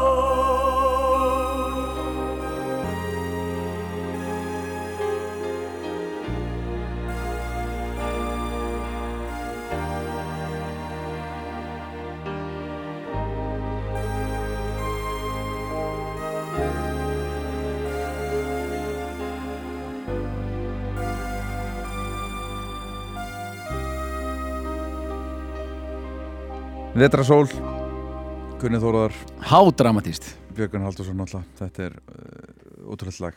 Þetta er ótrúlega Hérna, uh, áðurum fyrir mér næsta lag Þú hérna uh, Þú með hérna Black Box. Þú Ég með komin í Black Box. veitingageirann. Það er allir hérna fyrir útars sjónvars hérna, Menn ég veit ekki að gera Já, Já, það er einhvern veginn Ég byrjaði í, eða sérst, ég sogast einhvern veginn inn í veitingeran 2012 seint. Já, Byrjaði svona í þessu, þessu einirkja bröldi mínum Var búin að vera nýja ára hjá Senu Tvö ár hjá, hjá N1 hjá Hermanni Guðmunds vinni mínum. Og fer svo, tók svo loksins þá ákvörðun að fara Að láta reyna á það að geta verið einirki Já. Bara, þú veist, í þessum svona að Því að það er ekki til betur orðin plugg í því sem ég geri. Þú veist, ég er ekki almannatengill. En samt. En samt, og þetta er meira svona afþreyingar tengt efni koma því skemmtilega á framfæri eins og íslenska bíómyndir og... Já, já, ég er búin að vera hérna í kynningamálum fyrir bara loð mér að falla í Víti Vestmanni um djúpið Já. og vinna mikið með Balta og Reykjavík Studios Trúnor, Sagafilm, öllum þessum Þú ert ennþá í klass- þessu? klassíkur. Jú, jú, og ég er ennþá í þessu Já. og hérna veitingagerinn, ég hérna, við, hérna Lemon var til 2013 og þó ég sé nú komin út úr því skemmtilega ævintýri og frábæri staðir hérna datt inn í það og það er náttúrulega núna tveir staðir á Akureyri, það er eitt staður í París það er staður í Salalauginni og svo í Hafnafyrðunum og þetta er bara mið- og Söðlandsbeitunum og þykir ótrúlega vænt um lemon. Svo svo veist ég inn í, inn í pizzageiran og er núna í Black Box sem að fagna nú einmitt tveggja ára ammæli um þessa myndir. En þú veist að opna nýjan pizzastað í, í, Reykjavík er, er, er rugl sko. Er Já, af því það er ekki pizzastæðir Já, Já, það er einhvern veginn, ég var nú að spurra aðeins bara í vikunni, bara út af þessum tveggja ára afmælis tímamótum sem við erum í, af hverju ég opna pizzastað á Íslandi, þurfti það í alvörinni já, en við einhvern veginn fyrir rúmum tveimur án síðan, þá fannst þessist, þessi útgáfa af pizzastöðum í rauninni, þetta er, et, Blackbox er ekki pizzastað sem þú kemur sest inn, kemur þjótt pantar, þetta er bara svona eins og þú kemur bara inn í röð, þessa fast food röð sem búið að kenna þér, Subway, Local, Lemon og fleiri. Serrano og svona sko og, og svo er það þessi, þessi rockstjarnar sem er þessi ops sem bara eldbakar pizzu með því að pizzan fyrir inn í opni snýst eitt ring eldbakast á tveimur mínútum já. þannig ég get fengið mér pizzu bara í hádeginu á korteri sko. Já. Og það fannst mér svolítið, ok, þetta er svolítið nýtt í pizzunni. Mhm. það var kannski, kannski helst að En kveikja Ítalinn er búin að gera þetta í hundruð ára sko. hundruð ára sko, en, en allir pizzastæð hérna, alltaf, það er alltaf Domino sem er búið að vera sko, Já, fullt fullt af pizzastöðum, ég meina talandi um, talandi um 80s, ég meina Jón Bakan Guðminn Almáttu, það borðaði engin pizza fram- höttur. Það borðaði engin pizza fram að því. En hérna þannig að okkur, okkur fannst þetta frábærhömmund og Blackbox er búið að vera alveg magnað æfintýri, mjög Mhm. skemmtilegt. Og opnum hérna í borgatúnunu og hérna fyrir tveimur án síðan opnum í Mosó fyrir tæpu ári síðan og svo erum við með tilbúnar blackbox pizzur í krónunni, það er mjög skemmtilegt verkefni. Þannig að ég einhvern veginn sogast inn í hennan veitingagera, einhvern veginn fyrir algjöra slísni, svolítið, var Já. bara með einhverja hugmynd og Lemon var til og var svo með aðra hugmynd og Blackbox var til með góða fólki. Og, og svo er ég alltaf í þessum, þessum kynningaverkefnum manna, ég hérna, hef verið að kynna íslenska afþreyingu lengi. Er margt líkt, er margt líkt með veitinga og afþreyingageran? Fyrir mér og það sem að ég hef gaman að vera og hérna og, og, og sæmilega reynslu í. Það er bara, svona- þetta er allt bara hugmyndavinna Mhm. þú veist, veitingastæður er bara hugmynd, bara eitthvað konsept sem Svo að þarf að framkama sko. svo þarf að framkoma og búa til sko, og ég, hérna, ég fæ fullt af hugmyndum alls konar hugmyndum alltaf endalaust og, og í, ég horf bara á þessu verkefni bara, hér er, hér er einhver, einhver viðburður eða hér er einhver bíómynd eða eitthvað íslenskt sjómasefni sem þarf að koma á framfæri. Þá er ég bara í hugmyndun það hvernig kem ég því á framfæri þú, þú ert hinum með við. Já, já, og svo er ég bara í, í sölu mennskunni að reyna að selja fjölmila fólki einhvað skemmtilegt að fjallum. Það er gaman að fjallum íslenska afþreyingu. Þannig að hérna og það getur verið gaman að fjalla um íslenskan veitingahúsa bransa, hann er nú hérna hverfull og, og eins og hann er. Þannig að fyrir mér er þetta allt bara, ég lít alltaf bara á þetta sem verkefni, ég veit verið skemmtilegum verkefni með skemmtilegu fólki. Hérna, Blackbox er það svo sannlega og svo er ég í hérna þessum öðrum, öðrum verkefnum þessum aðþrenga gera og svo er ég nú hérna að fara að fara um sína sjómaserju um, um páskana sem er skemmtilegt í sjónvarpi síma sem er nú talandum, talandum hérna fara, lítið við farið með sem er nú byggt á tíu ára gammalli hugmynd sem að ég fekk fyrir hérna á sínum tíma og átti fyrsta kaffibotla með, með Þórallega Sigurssoni latta við okkar á Hilton fyrir tíu ára síðan. Nú er búið að skjóta sex hálftíma þætti sem að koma í sjónvar síma sem páskana. Þannig að ég er í já, þetta eru það er skemmtilegast að vita þetta er ótrúlega fjölbreytt. Mhm. bara einn daginn er ég bara á kassa, þurka borðum á Blackbox í borgatunni með pizzum, svo er ég alltaf komin á einhvern tökustaf fyrir eitthvað verkefni sem ég fekk hugmynda fyrir tíu ár síðan. Svo er ég að kynna Lifum lengur sem er æðislega þætti með Helgu Arnars fyrir Sjóma Símans. Svo er ég að kynna Bergmál bíómyndina fyrir Rúnar og Pegasus og þetta er alls konar, svo er ég bara komin allt í einu upp í Háskóla Íslands þar sem ég settist nú á skólabekk fyrir rúm ári, ári Já, síðan. Hvað ert að læra? ég er í meistaranámi í ritlist við HÍ Já, ert að, ert að byrja að skrifa? Ég, það er nú hérna eitt annað sem, að, veist, sem ég langar að gera meira af. Ég hef alltaf verið að skrifa einhvað bara svona undir rós heima hjá mér. Uh, Skúfuskáld skúfuskáld svolítið svona og ég er svona ADHD hugmyndaskáld. Ég fæ fullt fullt af hugmyndum sem ég er alltaf hendin í síman eða inn í einhver skjöl, Google Docs og dót sem ég er með sko. en ég hef aldrei sest niður og fleskað það svo út sko, meira. og svo einhvern veginn bara og lengi verið að skoða þetta, þetta ótrúlega skemmtilega nám réttlist í háskólanum og einhvern veginn ákveður bara láta á að vaða fyrir tveimur sem bara, hörru, ég bara prófa bara að sækjum bara F1, bara sjá, sjáum til. Til þess kannski að reyna að fá einhverja smá vikir hörru, er þetta eitthvað, á ég að fylgjast eitthvað eftir? Og svo fer ég inn í hérna, hérna kemst ég inn í þetta nám sem er ótrúlega skemmtilegt. Er þarna með, við erum með svona 20 sem er hann byrjumandi fyrir tveimur ára- síðan. Og þetta er svona spark í rassin að skrifa meira. Mér hérna, örglega eins og fleiri skúfu skáldum og, og öðrum reynist erfitt í, í í í, í, í það þá er gaman að fara í Háskóla Íslands í tíma og vera bara þar. Geta Mhm. speysað út í smá núvitund og skrifað. Og svo er ég svona deadline kerður líka, ég, hefst, ef ég er með deadline þarf að gera eitthvað, þá ger ég það. En ef þetta bara svona, hörja á, mér langar að skrifa meira þá svona fjara það svolítið bara út og kvestasleikin kæfi mann eins og örugglega alla aðra. Þannig að hérna þannig að það er mjög skemmtilegt líka. Þannig að því að var ekkert að gera hjá mér þá hvað ég færi í skóla. Eða þannig. Einfalda lífsitt en það er líka veist, þá, bú- og eitt bann svona já, því að veist, fjögur börn með eitt sex mánuða heima sko, það, það er ekkert að gera sko, og eitt fjárra þannig að hérna, þetta, hérna þetta er gaman og þá er líka, ég finn hvað það hjálpa mig líka bara í því sem ég er að gera að vera í kreatífu umhverfi. Mhm. það er ótrúlega gaman og ég er náttúrulega bara með, með hérna, elsta fólkinu hérna í, í þessum rillistakurs þó sé Já. allur aldur hérna það er einhvern veginn ótrúlega gaman að vera bara í umhverfi það sem eru bara 20 manns fasturinn skólastofu og við erum, við erum öll að skrifa við erum öll að með uppbyggilega gaggrín og það sem við erum að gera við erum svona skemmtilegu pingpong. Þannig að magna hvað gerir fyrir mann bara í, fyrir annað í lífinu bara önnu verkefni og bara fyrir mann persónulega sko. Þannig að Og að taka gaggrinni líka. Og að geta það, ég, maður er alltaf með mjög breytt bak, það er nú eitt sem að fjölmjöla bransin hefur kent manni, það er ekki svo við, við hérna, félagarnir höfum ekki leiði undir gaggrinni í gegnum tíðina, í gegnum allt þetta fjölmjöla brölt og það. Og það er líka, maður þarf að geta það Ég er, ég er skúfuskáld og fullkóla með þetta það og veist, ég hérna, þó maður sé hugmyndaríkur og á, ágætur í kjaftunum og eflust lala penni í mótun þá það maður að teki gaggrin alveg saman hvað það er og, og reitlistin hjálpa með það. Herru, karaoke. Karaoke sem er skemmtilegt. Það er fátt skemmtilegra en gott karaoke. Ég þarf vissulega að vera búin að vökva mig aðeins og maður, svona, þau karaoke gig þau eru kannski ekki mörg sem ég teki ekki um tíðina en maður er tekið þau við það. Þá hérna í góður að vinna hópi er karaoke ein allra mesta skemmtun sem maður kemst í ég enda áttur að upplega að fara þannig og sæta svín og taka það, er ekki Þórun Andani og ykkur með að hósta þar? Ég, Já. fer, fer ekki þóngað Nei, takk. En ég hérna, man, hven, ég var að hugsa hvena fór ég síst í karaoke, ég held að hljóta hafi verið eitthvað steggjunin og þá að mitt fór ég að hugsa, ok, hvað lag tók ég? Þá tók ég þetta lag. Já, alveg bara sex mínúndur Já, þetta er reyndar óþægilega langt karaoke lag, þetta því að enn og aftur, ég get ekki sungið, Nei. Guði hjálpi mér, þó að ég öruglega fyndið að hlusta á mig syngja einhverju myrkuðu karaoke herbyggi Já, þegar fólk er aðeins búið að fá sér. Þessi betur þau kannski fleiri en einn og tvo. Og hérna og talandi um plötur og 80s og annað þessi plata með Pearl Jam er náttúrulega bara stórkostleg. Hljómsveit sem ég langar að sjá live. Og þetta lag, ég held að sé hérna að það kemur í lokin þegar hann byrjar að kyrja hérna Ég ætla nú ekki að fara að syngja það nei.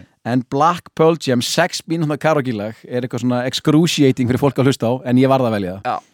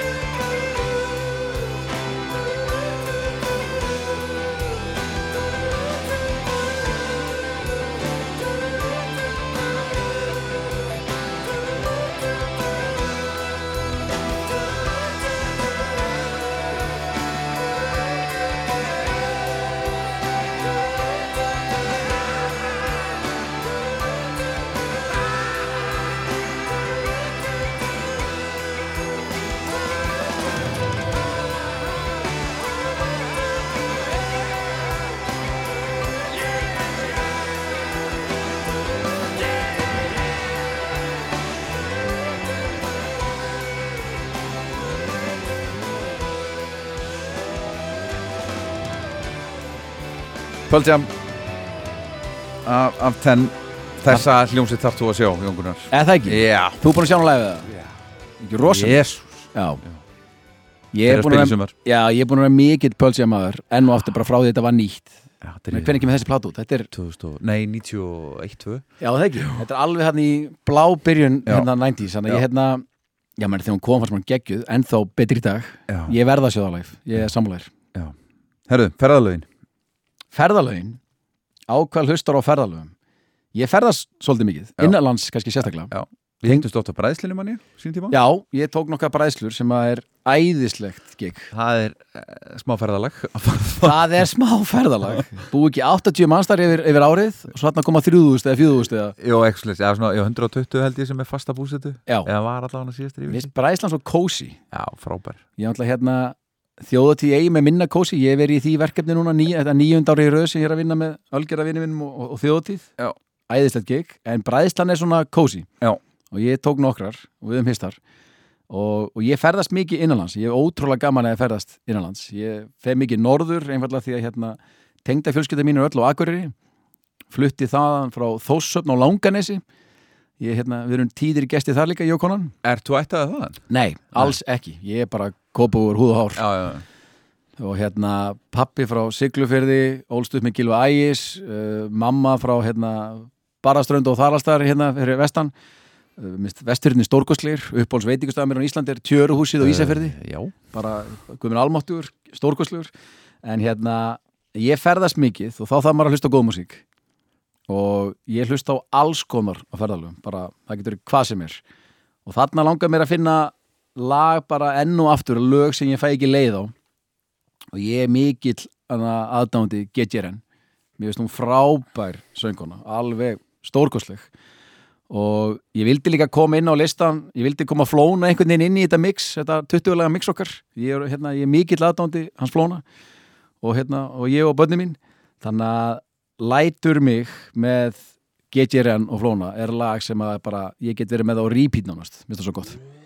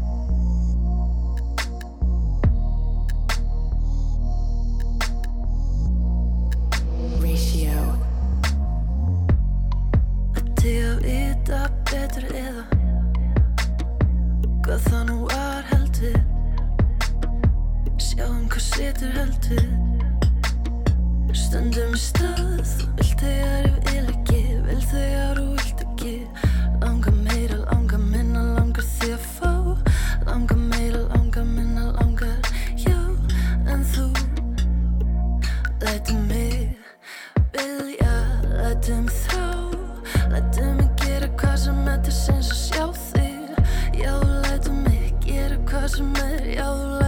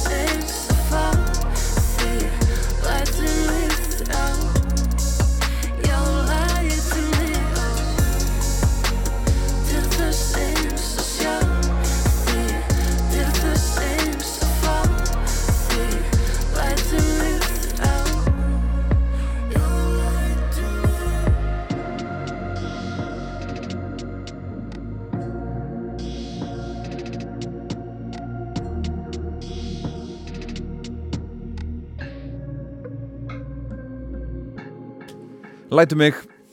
GTRN þessi stórkostlega sönguna sem er, er rétt að byrja sko. Já, ég bara bara hlaka mikið til að fylgjast með henni í framtíðinni sko. Já. Svona ótrúleg. Herru, ef þú þyrftir að spila, ef þú þyrftir að vera rockstjarna í eitt lag. Já, mér finnst þetta mjög skemmt Síðasta lægi sem þú spilar á svið. Ég er svona giska á að hann lítur að hafa tekið eitthvað svona, eitthvað svona út á stöða flip eitthvað. Já, Hérna. einhvað svona bla. Já, Ég fór að, að mikið að hugsa aftur í tíman og var svona að reyna að finna það og áttu svona pínu já ok, eitthvað svona útvars FM, einhver DJ gig, bla einhvern veginn svo bara, nei, hörðu. Og eins og ég skrifa þetta baka, hörðu, ákast ekki alveg við en ég væri til í að spila þetta lag á sviði og það er smá saga bak þetta lag. Ég hérna, þetta er svona það lag, að ég, ég er mikið að hlaupa úti. Og þegar ég er að keppa í klukku og lag sem ég vantar síðasta, síðustu 100 metrana til að keira mig í geðveiki þá setjum ég þetta lag á. Já, fyrir mér er þetta, ég skil ekki ennþá okkur þetta lag sigra ekki heiminn á sín tíma. Ég bara, mér finnst þetta svo geggja rocklag.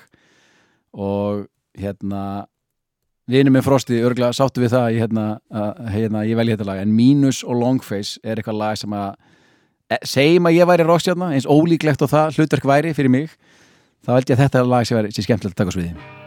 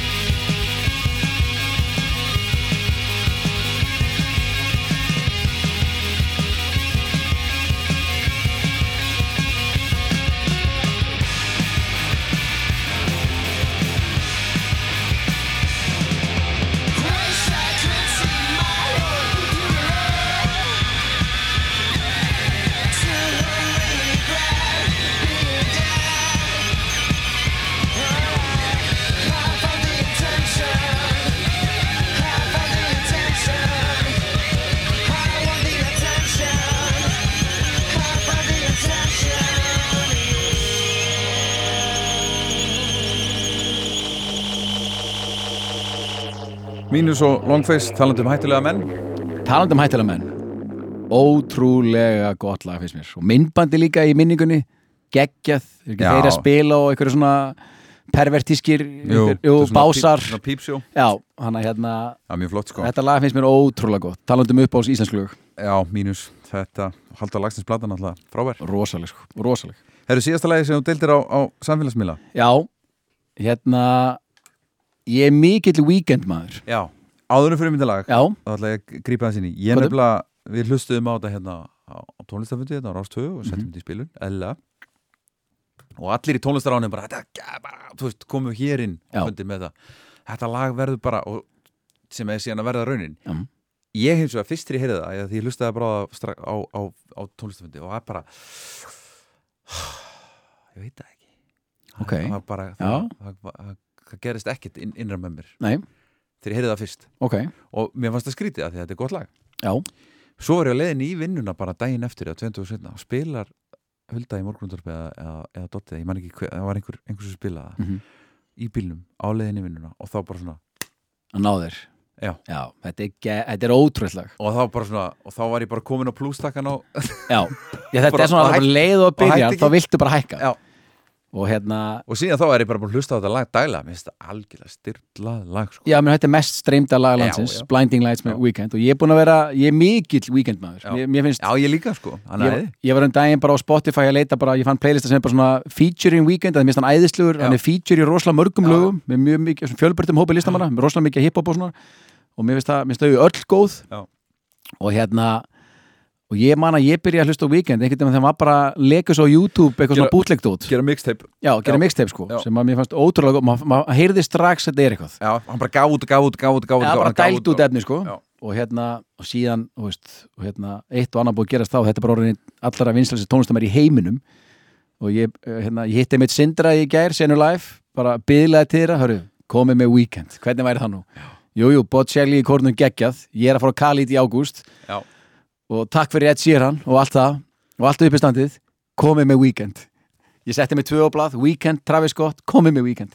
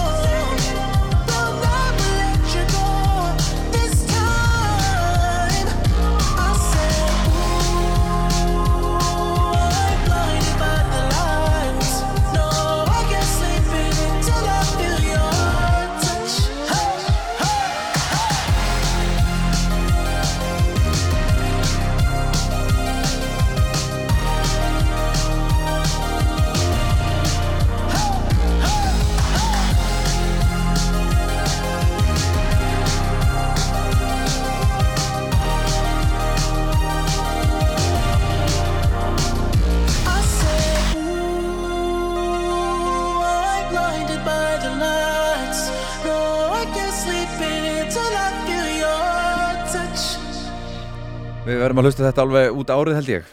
Já, ég hérna Heartless sem kom aðeins aðeins og undan mjög gott líka sko. Já. svo kom þetta, svo sá ég myndbandið þú veist, ég postaði svo bara eins og sé sko lægið sem ég postaði síðast á Facebook eða Twitter. Ég hérna postaði svona bara hérna í vikunni og myndbandið er frábært. Það er svona Hunter S. Thompson, Las Vegas eitthvað svona surrealist eitthvað síru Að trip horfa hann aftur maður. Já, Fear and Loathing. Já. Já. Ég er búin að lesa nokkra bækur eftir hann.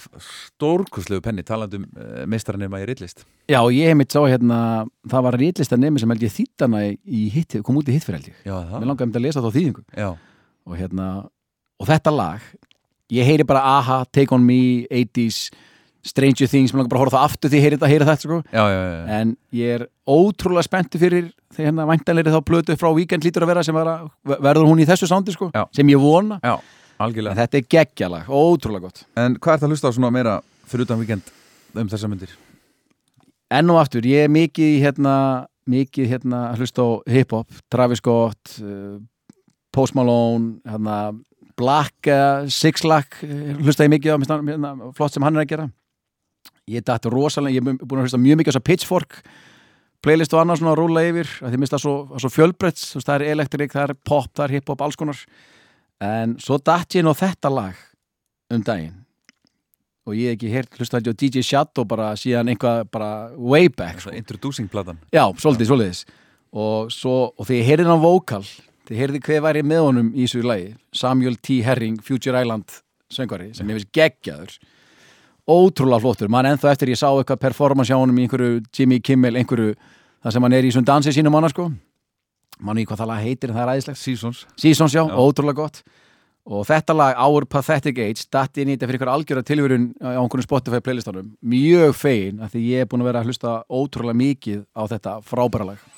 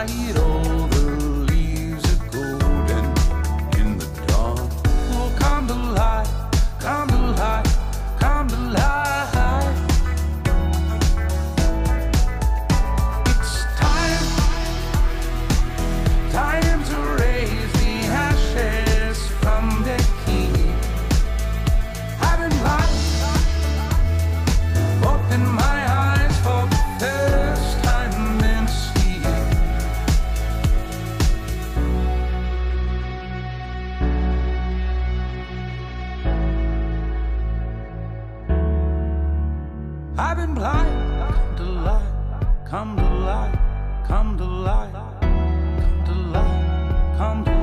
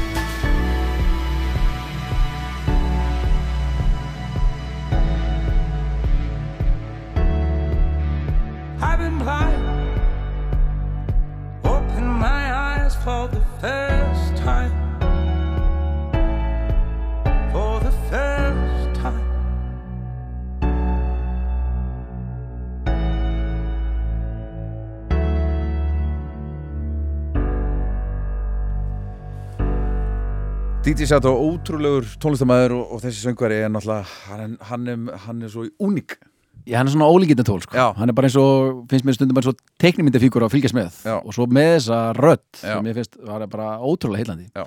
Að þetta lag sér drýmur síðust tónlingar Já, ég hérna, náttúrulega síðust, sko allra síðust tónlingar sem ég fór og var auður græni hattur milli jól og nýjós, Já. æðislegur Já. auðum bara upp á borðum, allra syngja með bara dáleita dömur, bara frábær en mér langaði að koma Ed Sheeran inn á listan ég er hérna popstjarnar heimsins sem að maður sá hérna í fyrirsumar frábær. Og ég og kona minn sáum hann líka í Chicago fyrir einu hálfur síðan. Á einhverju 60-70 manna stadium giggi. Mér finnst það alltaf jafn magnað að- hann fer ekkert út úr húsi fyrir minna sko.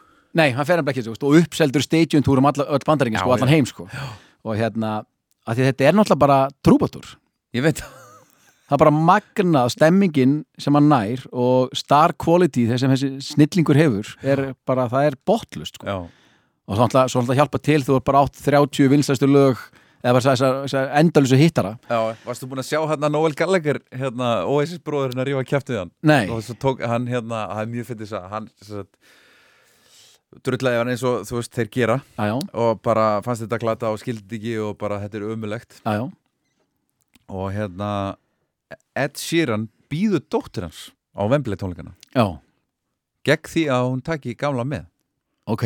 Hann að hann fer og fer sér hann já, og dreifur allt tilbaka daginn eftir. Já, og, einmitt. og bara hann er frábær, hann er stórkursluðu þýlíku tónlistamæður, þýlíku lagahundur Já. gæði sem getur fyllt Wembley 90 manns. Já. tvisvar. Já. Á ekkert nema matrispækt skilið, Já. bara á kassagítar. Með, kass, með kassagittur og mixlúpu græna já, já, já, Það, minna, það er ekki hægt annað en að taka ofan, alveg sama hvar þú ert í, í hipstörunum eða kúlinu sko. nákvæmlega. Það er bara sem lagahöfundur og performer bara stórkoslur og ég, veginn, ég vildi koma Ed Sheeran inn á hennan 20-lega lista minn. Ég, hérna, ég er búin að enn og aftur tónlistamann sem hann var bara að hlusta á þegar hann var að droppa ykkur á YouTube og eitthvað Mhm. sko Þannig, Lego og þessi lög hérna, e- hérna A-Team og það sko. Og hérna mér finnst þetta æðislega líka, Beautiful People. Þetta er ekki Ed Sheeran og Khalid Jú. sem ég ætla myndi að fara að sjá í hérna, hérna í haust, ágúst? Já. dóttir mín er mitt hérna mikil hérna, um leið og hún sá það auglýst hérna, bara pappi, við, við erum að fara en ég ætla ekki að vera meira á tónleikunum. Nei. skýr skilabóð þannig ég verið byrst stúku, hún er fremst en ég varð að henda Ed Sheeran og, og Beautiful People inn í það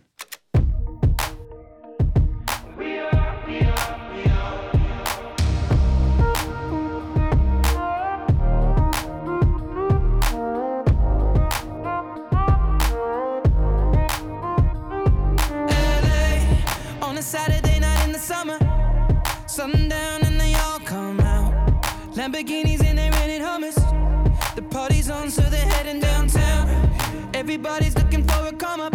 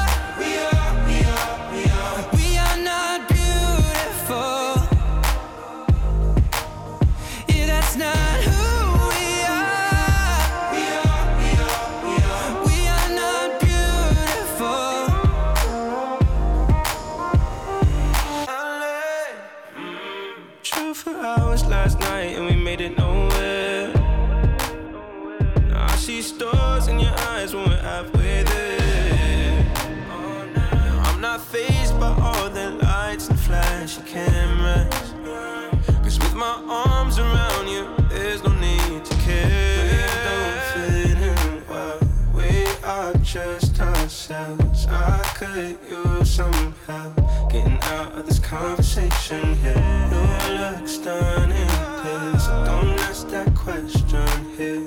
This is my only fear that we become beautiful people. Top designer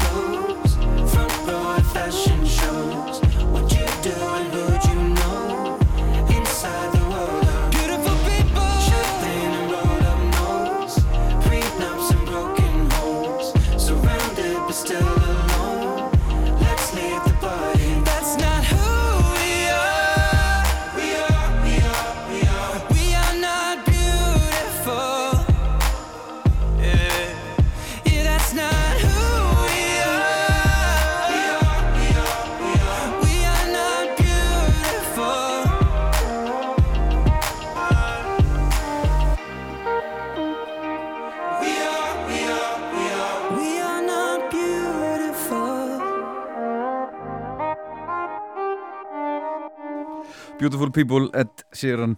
Uh, Jón Gunnar Geirdal búin að vera gestur minn í kvöld. Þau eru komin að síðasta læginu 20. lagið, Já, stór spurning. Já, mjög stór spurning. Lægið sem verður, spilað í jarðaförniðinni og hún er kannski ekstra skemmtileg fyrir mig sem gest í þessum þætti kannski núna því að, að því að jarðarförin mín er þessi sjómanstættir sem er að fara að koma sem að hann er ég kannski búin að síðastlið ár og óþægilega mikið verið að hugsa um jarðarfærir af því að við vorum að skrifa þessa serju með, með Latta og hana, sem var mjög skemmtlegt þannig að og svo hugmynd einhvern veginn fæðist bara fyrir tíu árum síðan út frá þessari pælingu ok, hvernig myndur vilja hafa þín jarðför að ég held við hugsum öll um þetta. Já, já, já.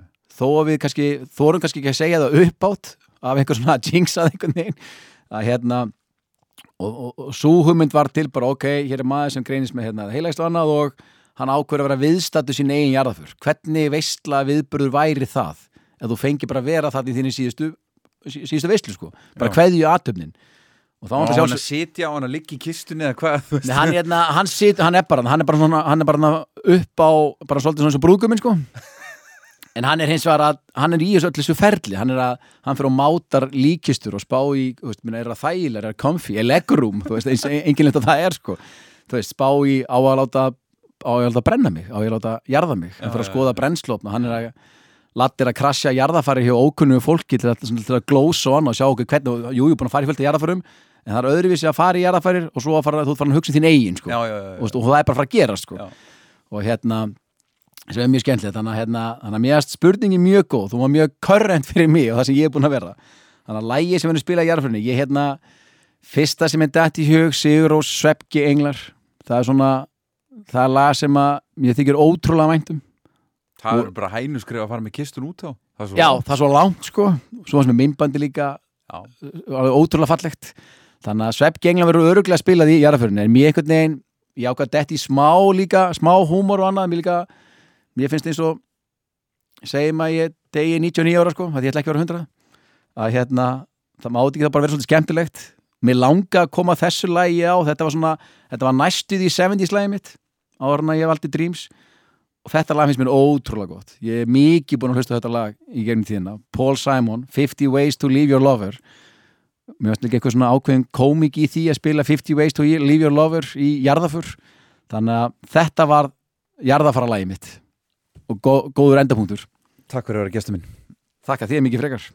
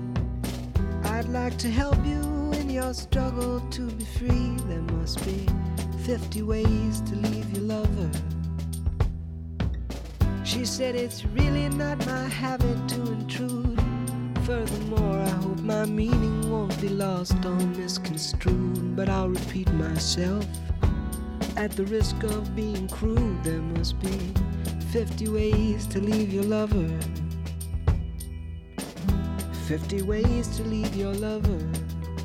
You just slip out the back, Jack. Make a new plan, Stan. You don't need to be coy, Roy. Just get yourself free. Or hop on the bus, Gus. You don't need to discuss much. Just drop off the key, Lee, and get yourself free. Ooh, slip out the back, Jack. Make a new plan, Stan. You don't need to be coy, Roy. You just listen to me. On the bus, Gus. You don't need to discuss much. Just drop off the key, Lee, and get yourself free. She said, It grieves me so to see you in such pain. I wish there was something I could do to make you smile again. I said, I appreciate that. And would you please explain about the 50 ways? She said, Why don't we both just sleep on it tonight? And I believe in the morning you begin to see the light. And then she kissed me, and I realized she probably was right. There must be 50 ways to leave your lover. 50 ways to leave your lover. You just slip out the back, Jack. Make a new plan, Stan. You don't need to be coy, Roy. Just get yourself free. Or you hop on the bus, Gus. You don't need to discuss much. Just drop off the key, Lee, and get yourself free. Slip out the back, Jack. Make a new plan, Stan. You don't need to be coy, Roy. You just listen to me. Hop on the bus, Gus. You don't need to discuss much. set yourself free.